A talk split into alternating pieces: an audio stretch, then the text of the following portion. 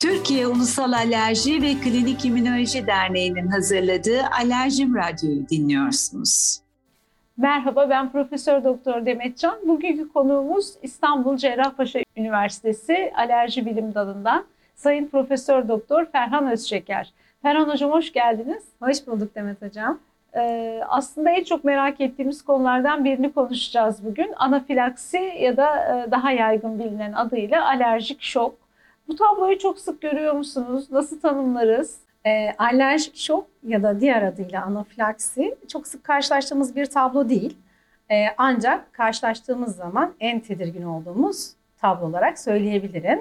E, alerjik şok, alerjik hastalıklar arasında e, en ölümcül olanı diye söyleyebiliriz. Ee, dediğim gibi sıklığı çok fazla değil. Nadir görüyoruz çok şükür ki. Ee, ve acil müdahale etmemiz gereken en önemli alerjik durumlardan biri. En sık neler alerjik şoka sebep oluyor?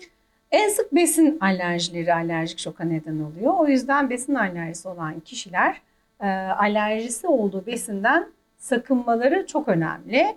E, mutlaka yedikleri, içtikleri, hazır aldıkları ya da misafirliğe gittikleri zaman e, yemeklerin içindeki, paketli gıdaların içindeki maddeleri mutlaka iyi bilmeleri ve sorgulamaları gerekiyor. E, örneğin restorana gittiler diyelim, e, bir soslu yiyecek yiyecekler.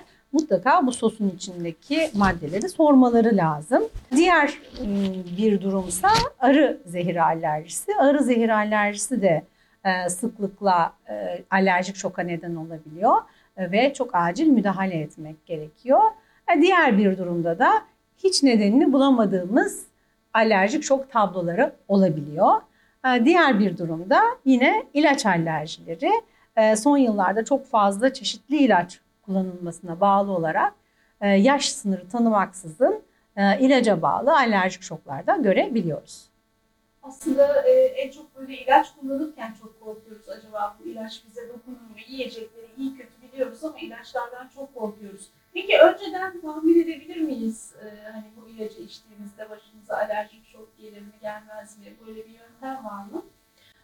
Şimdi eğer ilk defa kullanacaksa kişi o ilacı bunu tahmin etmek çok mümkün değil. Ama daha önce e, o ilacı ya da benzer e, madde içeren ilacı kullandı ve küçük alerjik belirtiler meydana geldiyse e, ikinci ya da daha sonraki kullanımlarda bu tablonun daha ağır olabileceğini tahmin edebiliriz.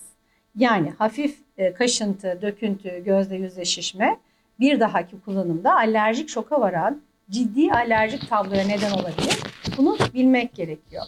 Eğer daha öncesinde e, hafif bir alerjik tablo geliştiyse o ilacı içmekle e, mutlaka bir alerji uzmanına görünmesini e, ve güvenli bir ilaç bulunmasını öneriyoruz kişilere. Alerji testlerinin mutlaka yapılması gerekir. E, madem ki çok önceden tahmin edemiyoruz, hani korunmamız zor. E, peki başımıza gelse e, ya da böyle bir eğilimimiz varsa bir ilk yardımda kullanabileceğimiz bir şey var mı?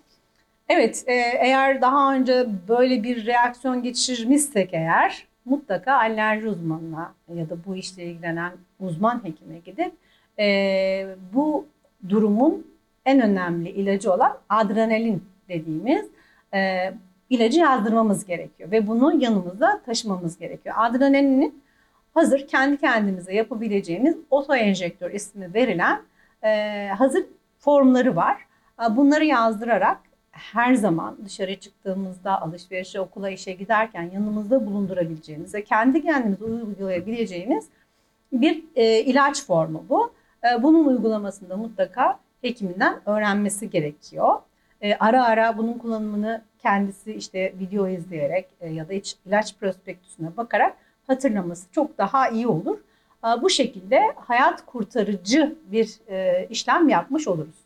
E, aslında hani her zaman da bu ilaç yanımızda olmayabilir e, Ferhan Hocam ama herhalde e, tıbbi müdahaleleri mutlaka e, doğru dürüst sağlık merkezlerinde tam teşekküllü yerlerde yaptırmakta e, yarar herhalde var. Kesinlikle. Çünkü e, bu iğne her tarafta da bulunmayabilir. Çok teşekkür ediyorum verdiğiniz faydalı bilgiler için. Sağ olun. Ben teşekkür ederim davetiniz için.